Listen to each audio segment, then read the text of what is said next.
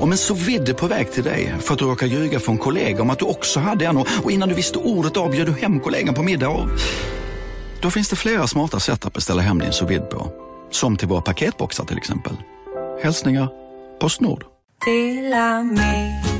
Hej! Är du en av dem som tycker om att dela saker med andra? Då kommer dina öron att gilla det här. Hos Telenor kan man dela mobilabonnemang. Ju fler ni är, desto billigare blir det. Skaffa Telenor familj med upp till sju extra användare. Välkommen till någon av Telenors butiker eller telenor.se.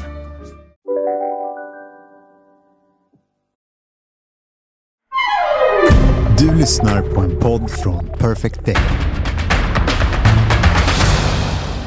Här är han alltså 20 år gammal och han har gjort liksom en helt makalös säsong i Barcelona. Ja, alltså det var, sa vi, 47 mål på 49 matcher. Ja.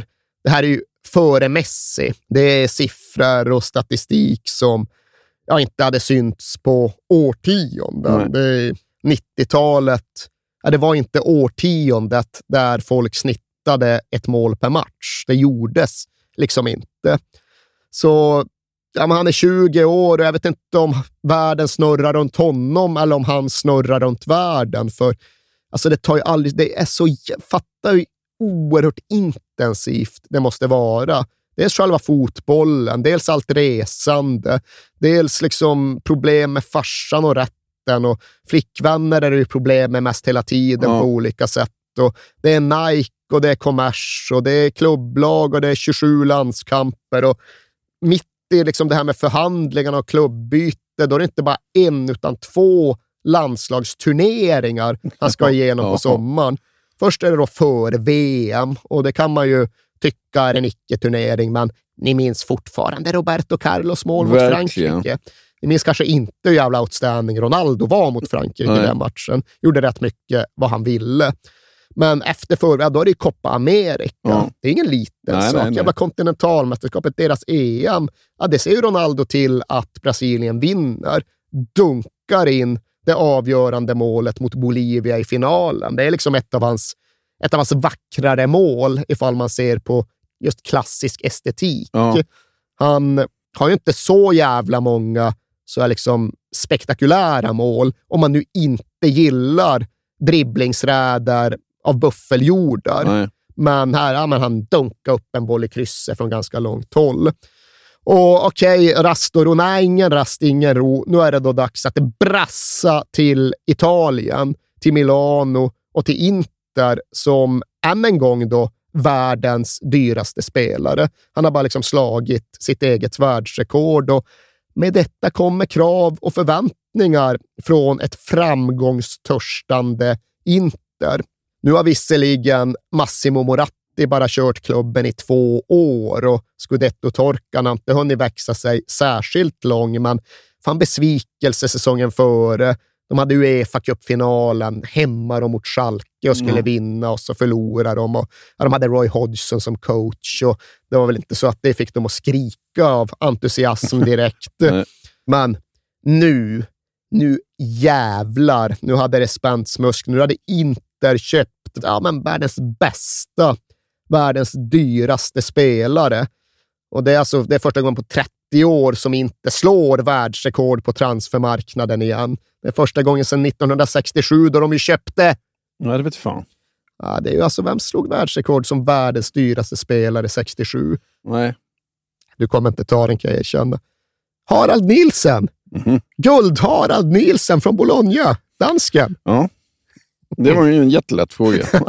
Det, saker och ting måste ställas på plats Ja. och i ordning, Ja. tycker både jag och det tyckte Inter också. Ja. Sommaren 97 och nu kom Ronaldo och det var rätt till sviten på Savoy Hotel där Lady Diana bott bara några dygn tidigare. Och sen ja, presenterades han med jävla pompa och ståt, men syntes inte till så där jättemycket under sommaren och träningsmatcherna och sådär. Ja, hade ju haft det lite körigt på sommaren, så han hade väl sitt eget träningsschema gissar jag. Men sen är det dags att börja spela Serie A-fotboll och ja, då jävlar dyker Ronaldo upp också. Såg du många säsongsbiljetter de sålde inför den här säsongen? Ja, var de uppe och 50 000? 51 000. Ja, det, det var Det är jävligt bra, bra. för, ja, Ja. det är det i alla tider, men Inte det, fan, det kunde variera med säsongskortsförsäljningen på 90-talet. Ja. Men in i Serie A-säsongen och de vinner premiären mot Brescia. Men det är faktiskt inte Ronaldos match. Jag vill nämna det ändå för att det är sällan du får knippar ja, men en spelare så tungt och tydligt med en match. Och den här premiären 97, inte Brescia, det är ju Alvaro Recobas match. Ja. Det måste du fan lägga upp eftersom att vi inte kommer i avsnitt om Är det då han Recoba. slår de här frisparkarna? Den då? ena jävligare än den Ja. andra. De ligger under. Kyssribba in typ. ligger under efter ett sent Hübner-mål och så går Rekoba fram och dunkar in just en frispark perfekt i krysset i 80 Fem minuter senare gör han exakt samma sak igen, fast ytterligare 6-7 meter längre ut. Ja. Så absolut, premiären är Rekobas, men hösten blir ju sen Ronaldos. Han motsvarar ta mig fan alla förväntningar. Och trots att den italienska ligan är liksom svårare och knussligare med liksom skickliga försvar och målsnåla matcher, så ligger han ju kvar där och ja, men i praktiken snittar ett mål per match. Jag tror han gör nio på sina elva första Serie A-matcher. Tar Inter upp i tabelltopp, men han kan inte vara kvar riktigt hela höstsäsongen ut för ja, men borta vid Lucia någonstans. Ja, vad blir det dags för då?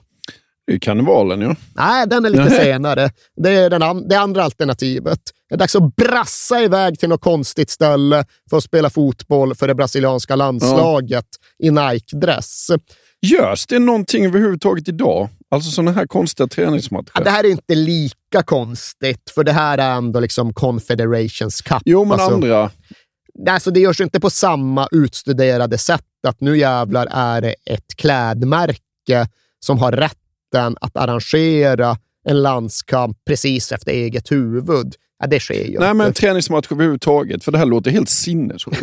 Men det är ett annat land. Nu är det Nations League mest hela tiden. Det är, träningslandskampen finns knappt Nej. kvar. Så nej, det sker inte riktigt på motsvarande sätt. Du hittar inte ett landslag som spelar, vad sa vi, 25-27 matcher på ett enda kalenderår och som sen då kröner det med märkliga Confederations Cup i Riyadh, Saudiarabien. Liksom, fan, hade det inte redan varit för-VM det här Ja? Ja, nej, men det här är liksom ett för-VM till. Ja. Och ja, det är väl det är inte de mest nödvändiga matcherna att spela, känns det som. Brasilien hamnar då i en grupp med Saudiarabien, Mexiko och Australien. Och precis när de tycker sig ha blivit av med Australien visar sig att äh, det är de jävlarna ni ska möta i final också, efter att ha klarat en semi mot Tjeckien. Så, liksom många jävla matcher mot i stort sett enbart oglamoröst motstånd, någonstans långt borta på ett sätt som ja, men gnager på den julledighet som Ronaldo såklart oerhört, verkligen hade behövt oerhört mycket. Och det här finns ju liksom inte bevarat på film och är därför ställt bakom alla sanningstvivel. Men det är ändå ganska väl rapporterat att han ska ha fått någon typ av panikångestattack borta i Saudiarabien. Ska ha läst, och det, ja, det vet, men det som sägs att han läste någon tidningsartikel om Diego Maradona och hans karriär och hans burnout och liksom, ja, men livssammanbrott. Och att den läsningen ska ha inneburit att Ronaldo själv bröt ihop och fick ja, men någon typ av panikångestattack inför lagkamraten Cesar Sampaio. Och framstår inte som en orimlig psykisk reaktion Nej. med tanke på vad han står inför och har varit igenom. Men det som ska sägas och det som Ronaldo, jag på att säga, i vuxen ålder under tiden efter sin aktiva karriär ofta återvänt till, det är ju det här att fick ju ingen hjälp med det mentala. Nej. Liksom, idrottspsykolog, han visste inte att det fanns Nej. sådana. Det var ingen som hade liksom introducerat det, utan det var bara köra på, ner med huvudet, vidare, vidare, nästa, nästa. Klarar du det så klarar du det. Klarar du inte så kanske du blir som Maradona. Ja.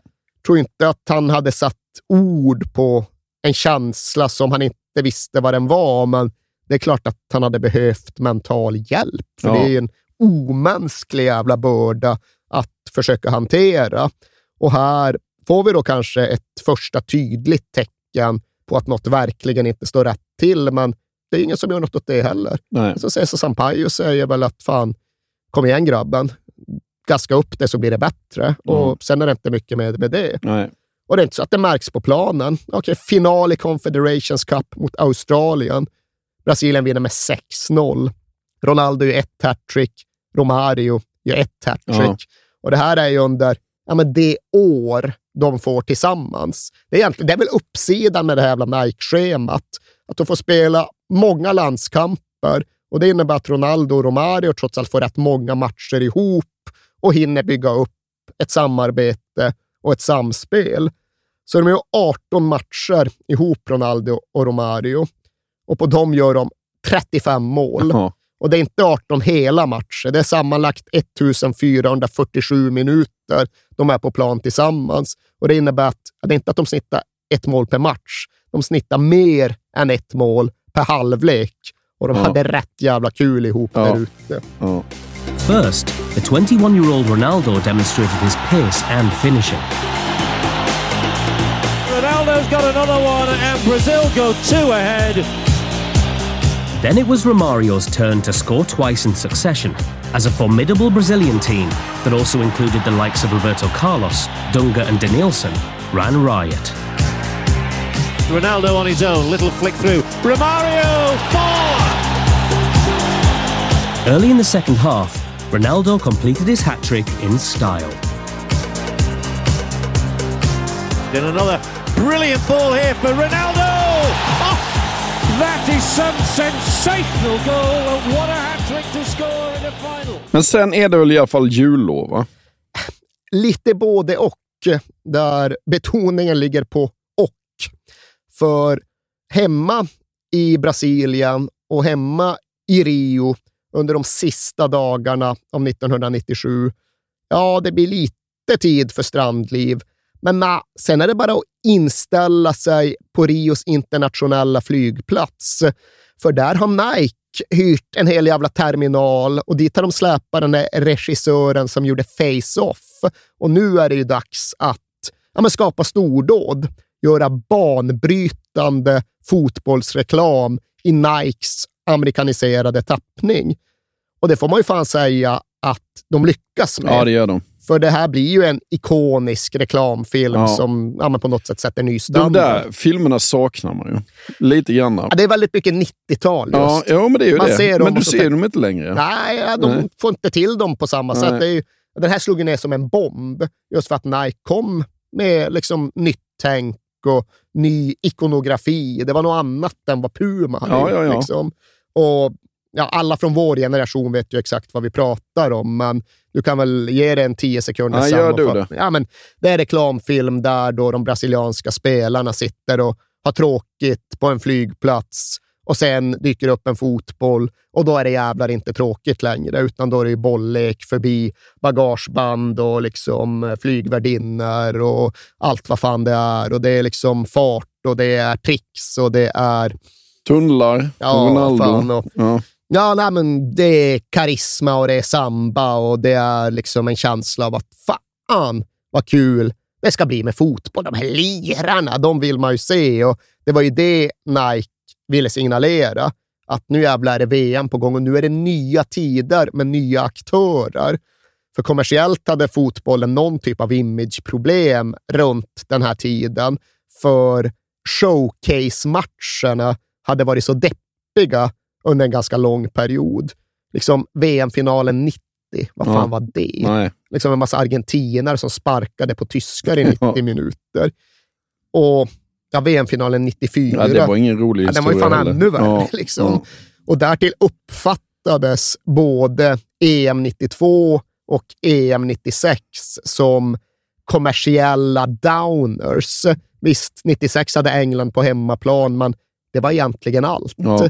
Danmark välte inga reklamkor över kassalinjen och att liksom Bierhoffs Tyskland vann 96 mot Tjeckien. Och Golden Goal. Ja, nej, Ja, nej. det var inte vad Nike ville ha framöver, utan nu skulle det bli något helt annat. Och såklart, då är det bara Ronaldo som ska stå i centrum och få strålkastarljuset på sig och uppfylla krav.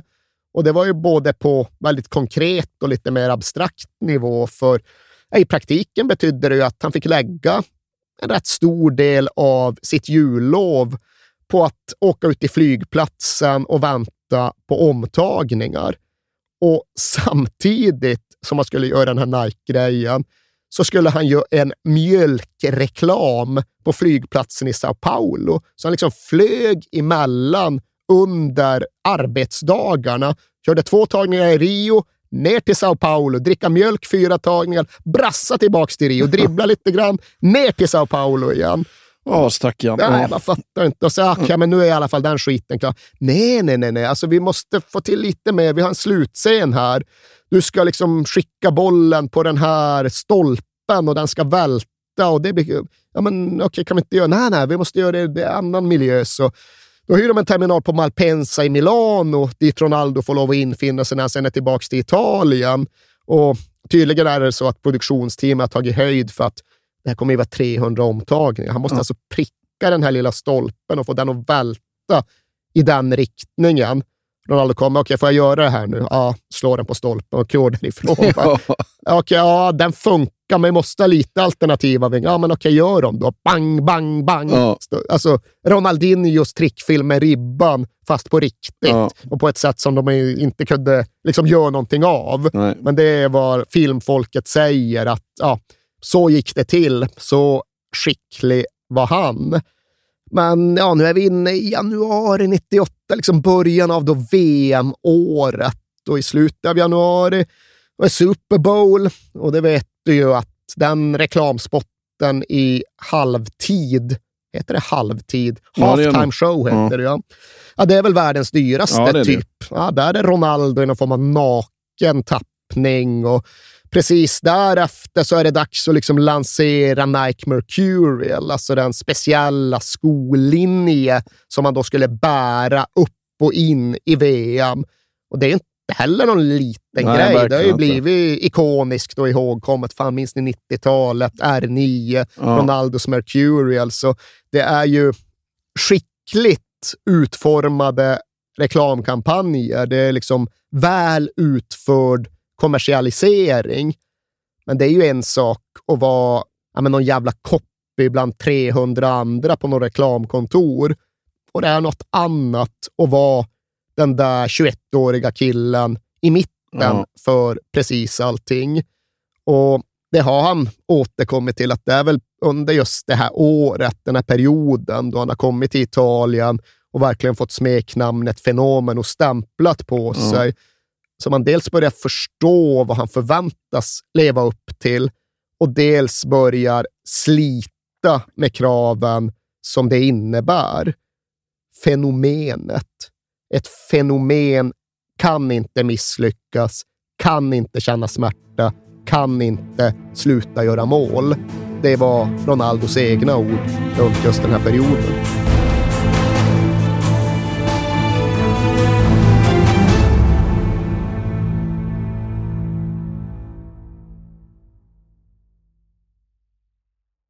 Vi fortsätter med vårt stora 90-årsfirande, Alex. Ja, precis. Själva födelsedagen för Stryktipset är ju i oktober, men det här är liksom det är förfesten. Ja, för vi är ju sponsrade av Stryktipset. Ett spel från Svenska Spel, Sport och Casino för dig över 18 år. Vi är ju det och eh, har du problem med ditt spelande så finns stödlinjen.se där för dig.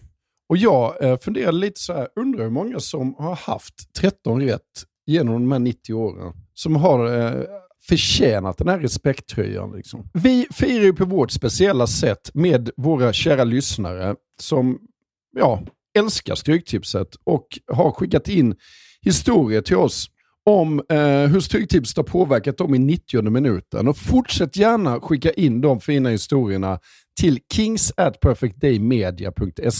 Har vi någon historia idag? Ja, det har vi. Och den kommer från Thomas. Den är kort Mm. koncis. Mm. Den går så här. Jag vill tro att detta är 2010. Arsenal spelar otrolig fotboll och ska bara städa av Sunderland och leder med 1-0 på stopptid. Mm. Jag har 12 rätt med häng på 13. Jag minns som sagt inte vilket år det är, men målskytten glömmer jag aldrig. Darren fucking Bent. Han bombar in 1-1 och 12 blir 11 som sen blir 10 rätt. Styrtipset är verkligen otroligt och otroligt grymt ibland. Tack för en fin podd. Om jag inte har helt fel så har Darren Bent även en historia i Tottenham, va? Det har han, verkligen. Ja. Men det går Sen- vi inte in på nu. Nej, men det var ju ändå fint att Darren Bent sänker Arsenal för Sunderland. Ja, det får man ändå säga. Men vi säger stort tack till Thomas och vi säger stort tack till våra vänner på Stryktipset.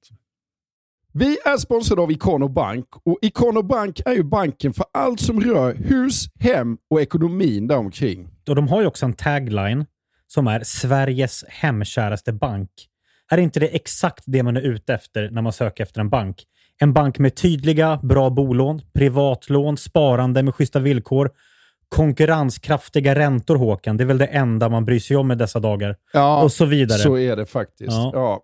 Och de har ju faktiskt rätt att kalla sig Sveriges hemkäraste bank. Därför att Ikano Bank startades av grundaren till Ikea.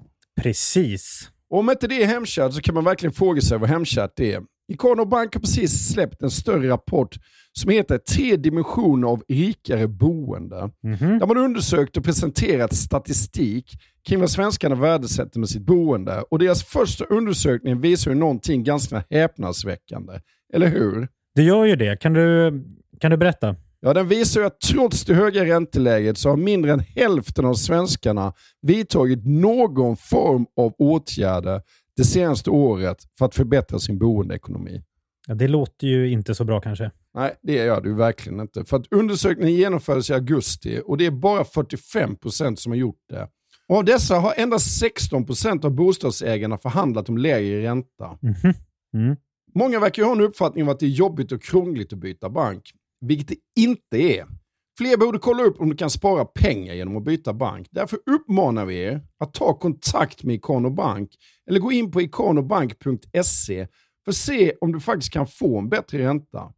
Vilket är en no-brainer med tanke på hur ränteläget ser ut, eller hur? Verkligen, så är det ju. Vi säger stort tack till Ikano Bank.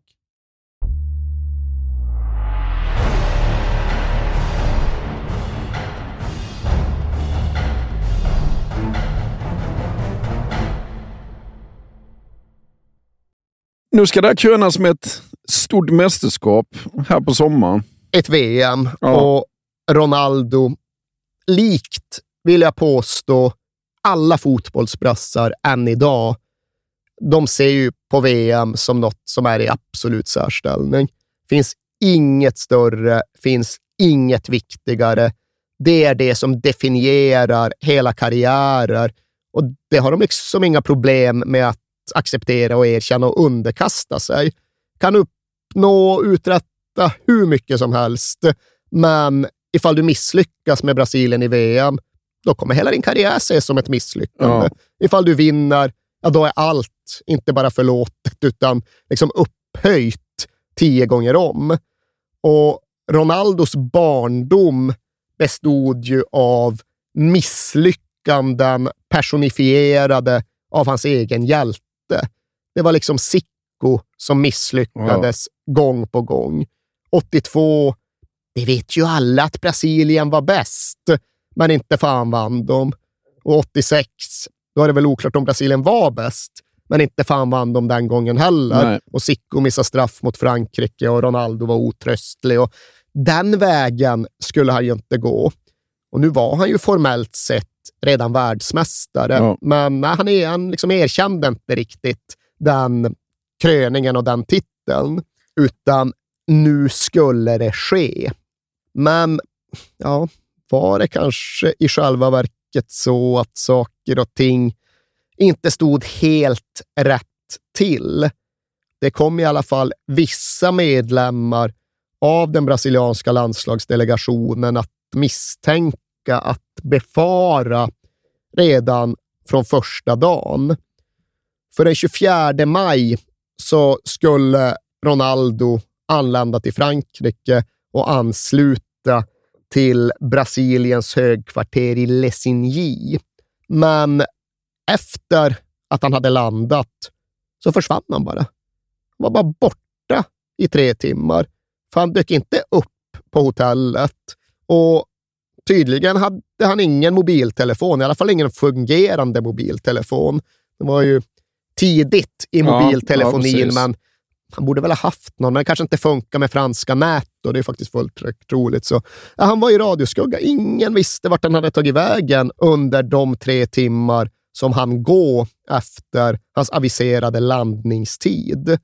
Och folk i staben, han fruktade att han hade fått kalla fötter och flugit tillbaka, flugit vänt och flugit till Rio istället. Men till sist dök han då upp och förklaringen var att taxichauffören, antingen hade han inte hittat eller så hade Ronaldo inte lyckats kommunicera med honom. Så de hade bara irrat runt i 240 eller något i den stilen. Och ja, så var det förmodligen. Det fanns väl ingen anledning att betvivla det. Men Ronaldos reaktion ska inte ha varit proportionerlig. Han ska ha varit ursinnig och liksom inne i någon typ av pågående vredesutbrott när han väl nådde fram. Och det ska då ha fått en av lagläkarna att liksom förse honom med, ja, med någon typ av downer, någon sorts lugnande medel redan vid ankomst. Mm. Och det där med liksom olika typer av medicinering ska ju sen bli en följetong under de här VM-veckorna. Och det ska för den delen även bilden av en pressad och obalanserad Ronaldo bli. För det är ju då en sak med bara det sportsliga trycket som vilar på de brasilianska stjärnorna runt ett VM. Liksom the nation expects. Nationen förväntar sig inte bara guld och framgång, utan dessutom samba och show. Så det är en sak. Och så sen då, ja, men hela världens blickar och det här globala, kommersiella cirkustältet som man hela tiden pressas in i. Allt det. Och sen finns det ändå fler dimensioner just runt de stora mästerskapen som ganska många lider tungt under. Och Det kan framstå som mer liksom alldagliga problem, men de ska lika fullt hanteras.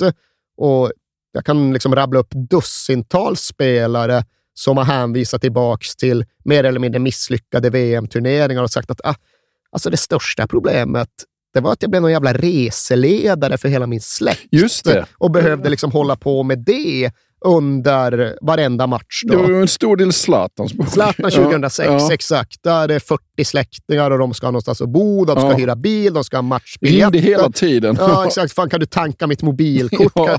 Och absolut, på de premisserna förstår man ju att det blir en stress.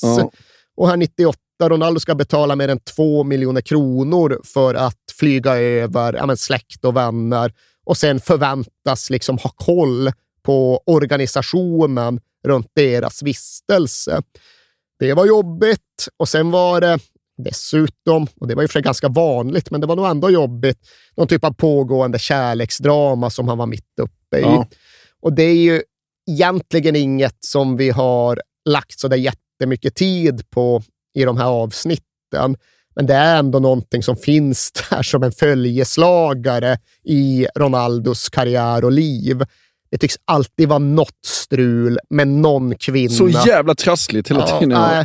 och han verkar ju för sig ofta ha en ganska sorglös hållning Jo, till det. Han orkar liksom Nej. inte tycka att det är alldeles för trassligt. Nej.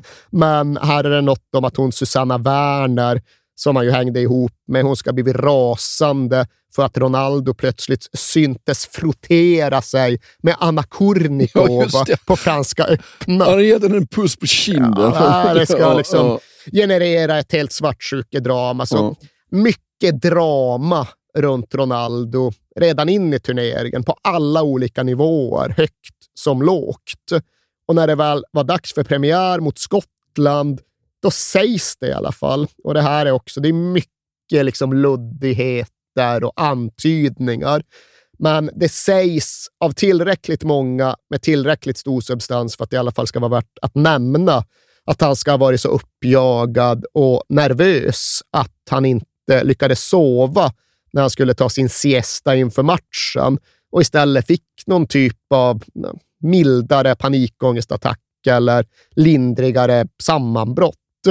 Och kanske hände det kanske hände det inte. Klart är i alla fall att både Ronaldo och det brasilianska landslaget gjorde en svag premiär och har tur som får med sig en uddamålsseger mot Skottland. Men det får väl i alla fall en del nervknutar att lossna. Det är jävligt skönt att stöka av en mästerskapspremiär med en seger. Och matchen som därpå följer mot Marocko ja, men får nästan beskrivas som en typ av fullträff. För nu flyter spelet och nu hittar de offensiv samhandling och nu förstår de varandra, stjärnorna på topp. Det är ju då Ronaldo, Bebeto och Rivaldo. Spelar inte med Romario, liksom mentorn och lekkamraten som tyvärr tvingas lämna återbud skadad. Och det har ju också varit en grej in i den här turneringen. Att nej, här får han inte med sig sin, liksom, den följeslagare han håller allra högst. Hur ska det, hur ska det nu gå? Ja, mot Marocko går det i alla fall bra, för alla tre i anfallslinan gör mål. Ronaldo gör mål, Bebeto gör mål, Rivaldo gör mål och Brasilien är redan slutspelsklara efter två matcher. Då är det inte hela världen med den där förlusten mot Norge i Marseille, Nej. även om det är hela världen för Norge. Det kommer vi nog återvända till vad det lider. Men trots allt god fart in i slutspelsfasen och allt bättre bett i Ronaldo-klöset.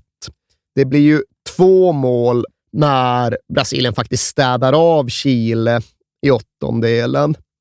Det blir inga mål, men väl två ass i den här spektakulära kvarten mot Danmark som slutar 3-2. Och sen blir det dels ett mål och dels den första bollen i nät i straffsparksavgörandet när Brasilien pressar sig förbi Holland i semin. Och så långt allt väl. Alla förhoppningar och förväntningar har hittills infriats. Brasilien är återigen i VM-final och Ronaldo är galjonsfiguren som gjort allra mest för att ta dem dit.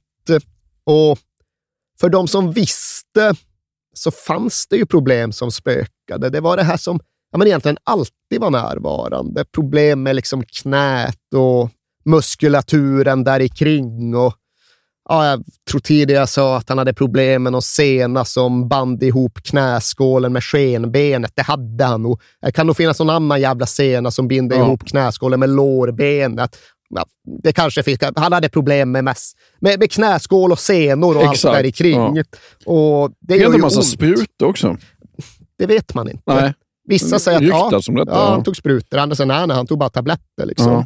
Men ja, det han ska ha tagit är ju allt från xylokain och lidokain till Voltaren och Cataflam. Mm. Och till och med, jag vet inte om han tog alla de här grejerna. De nämns att han ska ha tagit. Är något av det man kanske man tar intravenöst. Jag vet inte fan. Nej. Men för Ronaldo själv och folket runt honom är knät hela tiden en oro. För de motståndare som väntar på honom är ju Ronaldo som är oron. Och det finns ju bevarat en fantastisk filmsekvens från det franska landslaget. Och den är filmad i samband med träningen dagen före finalen. Och det är till en början förbundskaptenen, då, Amir Jacquet, som liksom ska visa sina spelare hur Ronaldo minsann alltid bara gör samma fint. Det är alltid bara samma överstegare. Står han där och liksom långsamt kliver över bollen. Han, ni vet ju att han gör den här rörelsen och därför är det ju liksom bara följa med och bromsa. Och så bryter liksom Massa Desailly in. Alltså, han har gjort den där mot mig i Milan och jag såg inte bollen. Alltså oavsett om han går åt höger eller gått Du ser inte bollen. Fu, fu, fu, fu, fu. Så låter det när Ronaldinho överträffar. Var är bollen? är som magi. Ja. Och Tyrann bryter in, han håller bara med. Liksom. Ja. Jag bara, ja, nej, du, vadå, tror du att det är lätt att bromsa Ronaldo för att man vet att han gör många överstegsfinter? Bror, hade det hetat idag.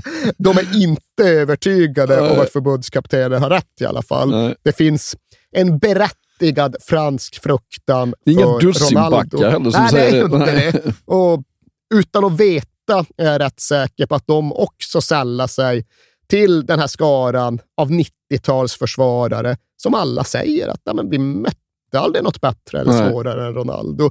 Det säger de allihopa. Le passement de, de Ronaldo de jambes, il est que d'un côté, c'est-à-dire il fait ça et il traîne toujours du droit. Jamais de l'autre côté. C'est-à-dire C'est-à-dire qu'il fait son passement du gauche. De toute façon, oh, à, à Milan, il l'a fait. La balle, tu la vois plus. Donc, euh, qu'il part à droite ou à gauche, la balle, tu la vois plus. hein. Je te jure, il fait fou, fou, fou, fou, fou. La balle, elle est où C'est un magicien. comme ça, il reste comme ça. Tu regardes, plus de ballon. Le ballon, il est de l'autre côté. C'est même monsieur, monsieur, comment t'as fait, monsieur monsieur Tu me la refaire Et il en fait une. Comme ça, tout le match.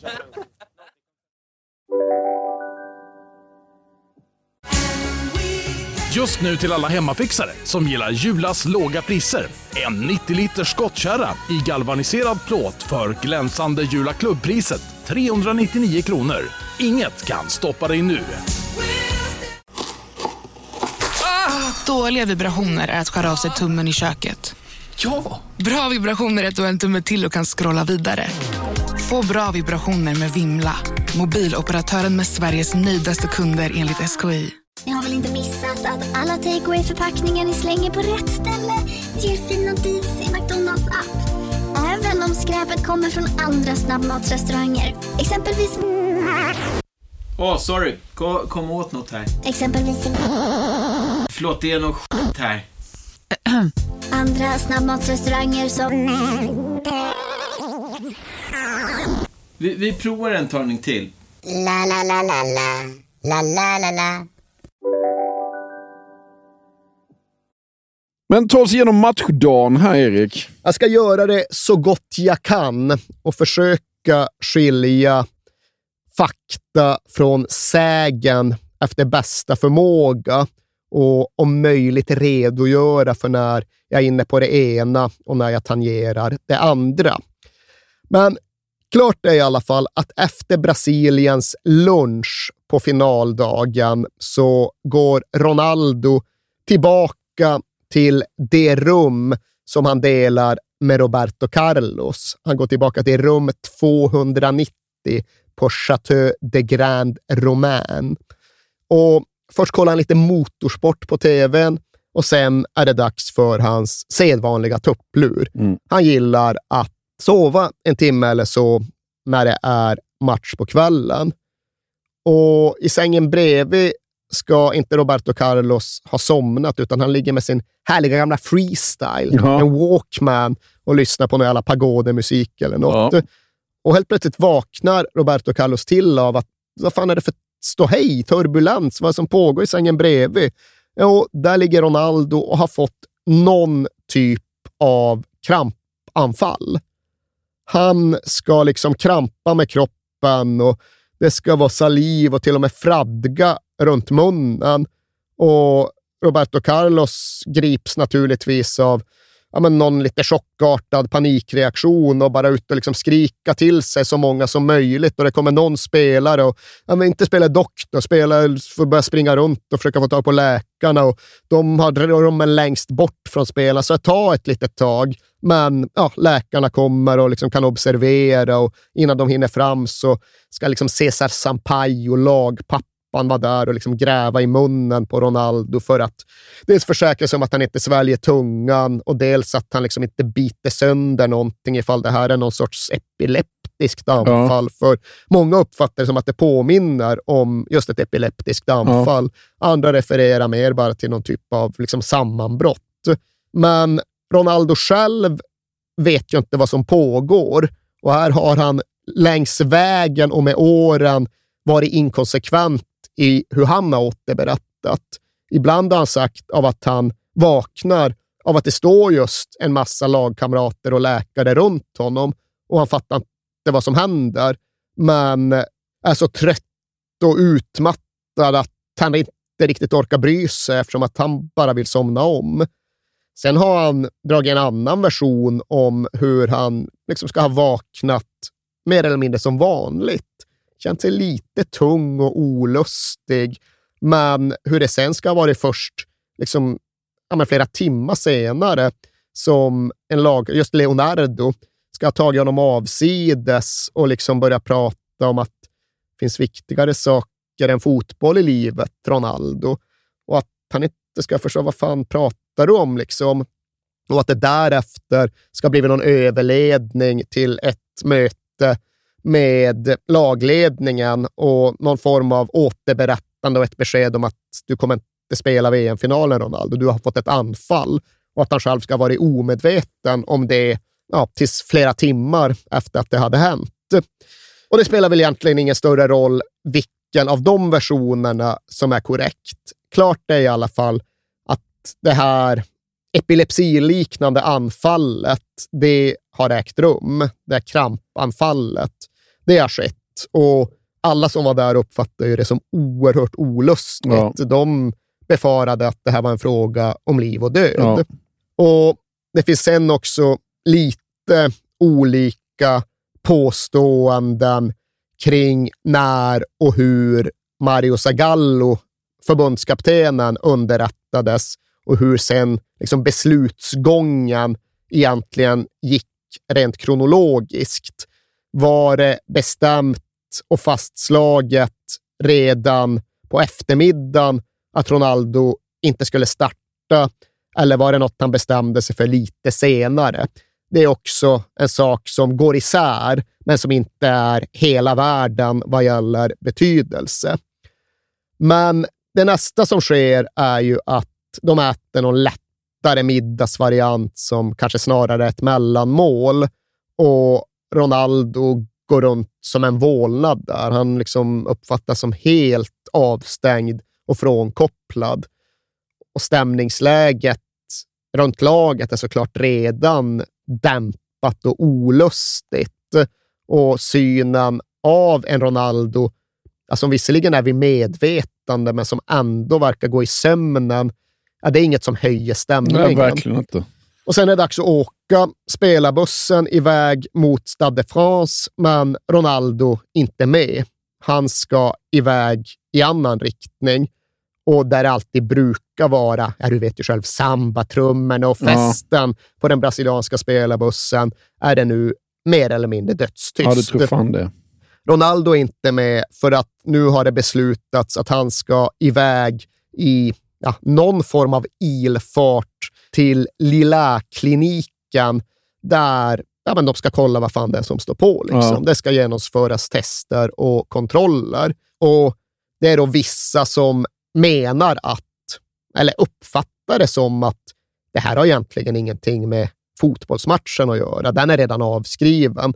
Han ska bara in för att försäkra sig om att ja, han inte svävar i någon typ av överhängande fara. Att det här inte är någonting som måste åtgärdas omedelbart.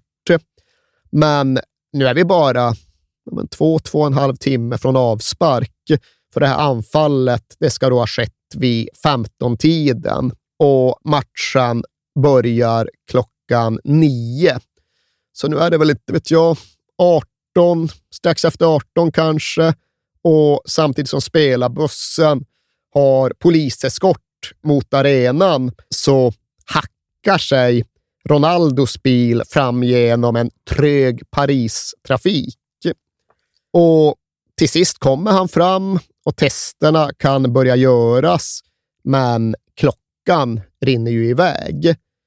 Och vid det här laget framstår det väl som att det egentligen bara är Ronaldo själv som har någon idé kvar om att det faktiskt ska gå att spela match. Ja. För nu är klockan över halv åtta, den börjar vara kvart i åtta. Det är nästan bara en timme kvar till avspark och liksom laguppställningar ska lämnas in och cirkuleras. Och förbundskapten Mario Zagallo lämnar ju in en laguppställning utan Ronaldo. Och det gör han ja, men kvart i åtta någonting, ungefär samtidigt som liksom alla test och provsvar kommer från undersökningen som Ronaldo gått igenom. Och den ska ju då vara all clear.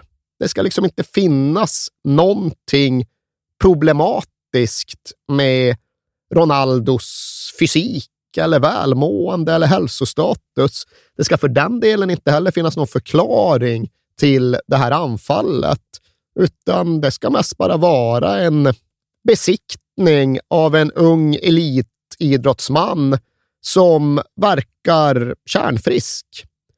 Och utifrån de resultaten så sker det ju då en liksom snabb mental förflyttning. Inte i Ronaldo.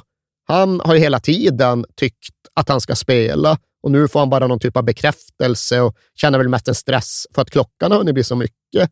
Men lagläkarna och folket i den brasilianska delegationen som tidigare uteslutit att Ronaldo ska kunna spela kort efter något märkligt krampanfall, de börjar ju nu känna att ja, men ifall det inte finns några medicinska argument mot och framför allt då den ja, men huvudansvariga lagläkaren, som inte är Filé, det är någon annan snubbe. Ja.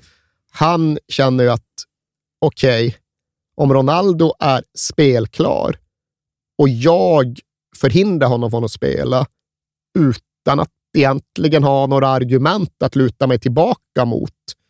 Alltså jag utsätter mig för livsfara. Ja, ja, ja. Om jag stoppar Ronaldo Brasilien förlorar finalen och jag anses ha gjort det utan anledning, jag kan inte bo kvar i landet. Nej, och Ronaldo som, och som ligger på då att självklart ska spela. Liksom. Ja, och nu är det ju en kamp mot klockan först och främst. De måste bort från den här kliniken och de måste fram till matcharenan. Och det är lyckligtvis inte särskilt långt, men det är ju ändå en sen ankomst på tjutande däck. Klockan är tio över åtta, kanske ännu lite mer, då Ronaldo faktiskt kommer fram till matcharenan och når omklädningsrummet och kan prata med förbundskapten Zagallo. Och när han väl gör det och när Zagallo ställs inför liksom samma situation och samma dilemma som hans läkare, ja, då hamnar väl han också där att det går liksom inte att säga nej, tycker han. Nej. Här har vi världens bästa fotbollsspelare som står bredvid mig och vill spela och bakom honom står en lagläkare som säger att det finns inga medicinska hinder. Ja, vad fan ska jag göra? Nej. Stryka Edmundos namn ja. på den officiella laguppställningen, skriva dit Ronaldos namn med kulspetspenna och sen närma sig match. Och okej, okay, 1998 är inte 2022. Liksom information färdas inte med samma hastighet. Men den samlade världspressen, medier från planetens alla hörn på plats på Stade de France, de har ju fått den här första laguppställningen utan Ronaldo. Och de har rapporterat detta hem till sina tittare och lyssnare och läsare. Och nu är det plötsligt tillbaks med Ronaldo.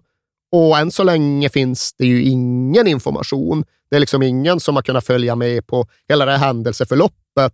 Så förvirringen är ju maximal. Alltså det är ju en av VM-historiens största snackisar. När du sitter framför tvn och de säger att Ronaldo inte är med i laguppställningen. Ja, men vi sa det, ja. tidigare när vi pratade om Italiens VM-guld 2006 att det finns bara två enskilda händelser, situationer som ja, kan konkurrera om titeln som VM-historiens allra mest mytologiserade. Och det är ju Zidans skalle och Maradonas boxning. Ja. Det här är inte en händelse på riktigt samma sätt, men det är ju där uppe när det kommer till VM-mystik. Ja. Det här är ju Fan, vilken bra tio-lista det hade varit. Ja, jag vet inte. Hade det varit så Ja, det hade bra. det. Ja, kanske. Jo, det hade det. Ja. Men ja, innan vi nu kan gå in i själva matchen så ska vi också ha sagt att det som ska ske, inte 100 procent bekräftat, men jag skulle beskriva det som 82 procent bekräftat, det är då att en, trots allt, begripligt nog, jävligt uppjagad Ronaldo anses behöva hjälp för att komma i rätt sinnestillstånd för en VM-final. Och alltså, jag kan ju fatta stressen och liksom ja, men förvirringen och liksom allt det han måste ha känt den här dagen. Det är ju liksom helt extremt. Jag kan inte komma på något motsvarande. Och då är det ändå inte riktigt klart hur men, klar i skallen han faktiskt Nej. var under dagen.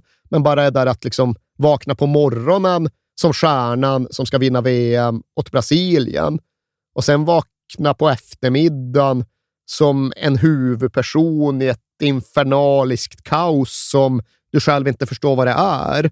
Och därefter tillbringa eftermiddagen och kvällen med någon typ av rush för att ja, men först få veta om du är frisk eller om du lider av något väldigt allvarligt och därefter om du ska kunna spela i världens mest upptrissade fotbollsmatch. Alltså, det är helt otroligt. Inför hela världens ögon, Ja. hela tiden. Ja. Och nu ska han ju begripligt nog då vara jävligt uppjagad och uppriven, så någon i det brasilianska läkarteamet ska ju då förse honom med någon sorts medicinering. Och, alltså det är inte Valium, men det är någon typ av Något lugnande, lugnande, effekt. alltså. Ja, någonting dit. Det ska vara något som i grunden är avsett att lindra epileptiska anfall. Mhm. Och tydligen verkar det fortfarande finnas en tro i i alla fall delar av den brasilianska läkarstammen om att det var någon sorts epileptiskt Ja, anfall. det låter ju så. Då ska ja. väl i och för sig, om jag förstår det rätt, liksom, följden vara att han absolut inte ska spela någon fotboll fyra timmar Och det borde senare. väl synas på de här testerna också kan man tycka. Ja, ja, Ja, jag här vet vet fan, man ju nej. inte. Någonting i alla fall som förmodligen har bidragit till den prestation, den icke-prestation som Ronaldo sen står för. För så är det ju faktiskt att liksom själva VM-finalen, själva matchen, i just den här kontexten, finns ingenting att säga. Nej. Ronaldo vankar omkring och ser helt avskuren och frånvarande ut. Och det, jag ska inte säga, vet inte om jag ska smitta av sig på det brasilianska laget eller om det avspeglar även det övriga lagets Ja, men sinnetillstånd. tror fan att de är chockade över vad som har hänt under dagen som Ja. är uppladdning. Nej, det är väl någon form av växelverkan där. Att de gör varandra sämre och mindre delaktiga och mer avtrubbade. För det är ju faktiskt så att intrycket blir ju att fan, det här är ett landslag som går ut till VM-final och inte bryr sig. Nej. Och hemma i Brasilien, alltså det är ingen som vet mer än att det har varit liksom besked och kontrabesked om Ronaldo. Men många uppfattar att ja, han har gjort något så sent fitnesstest för sitt knä. Ja. Typ. Det är ingen som känner till det här med sammanbrottet, utan många får ju då bara, men vad fan. Vi har alltså ett landslag med en storstjärna som går ut och spelar VM-final och verkar tycka att det är det minst viktiga som överhuvudtaget existerar. Liksom spelar ingen fotboll, struntar i att plocka upp Zidane på defensiva fasta, verkar inte störas nämnvärt av att matchen rinner ifrån dem och det sen slutar med en 3-0-förlust. Vad fan var det där? Nej. Och till sak hör ju, framförallt ifall vi ska hålla på och ranka VM-mysterier, att det är klart att det här förstärks av att det fortfarande, 25 år senare, faktiskt är olöst. Ja. Det finns ingen tydlig, allmänt erkänd förklaring till vad som faktiskt hände.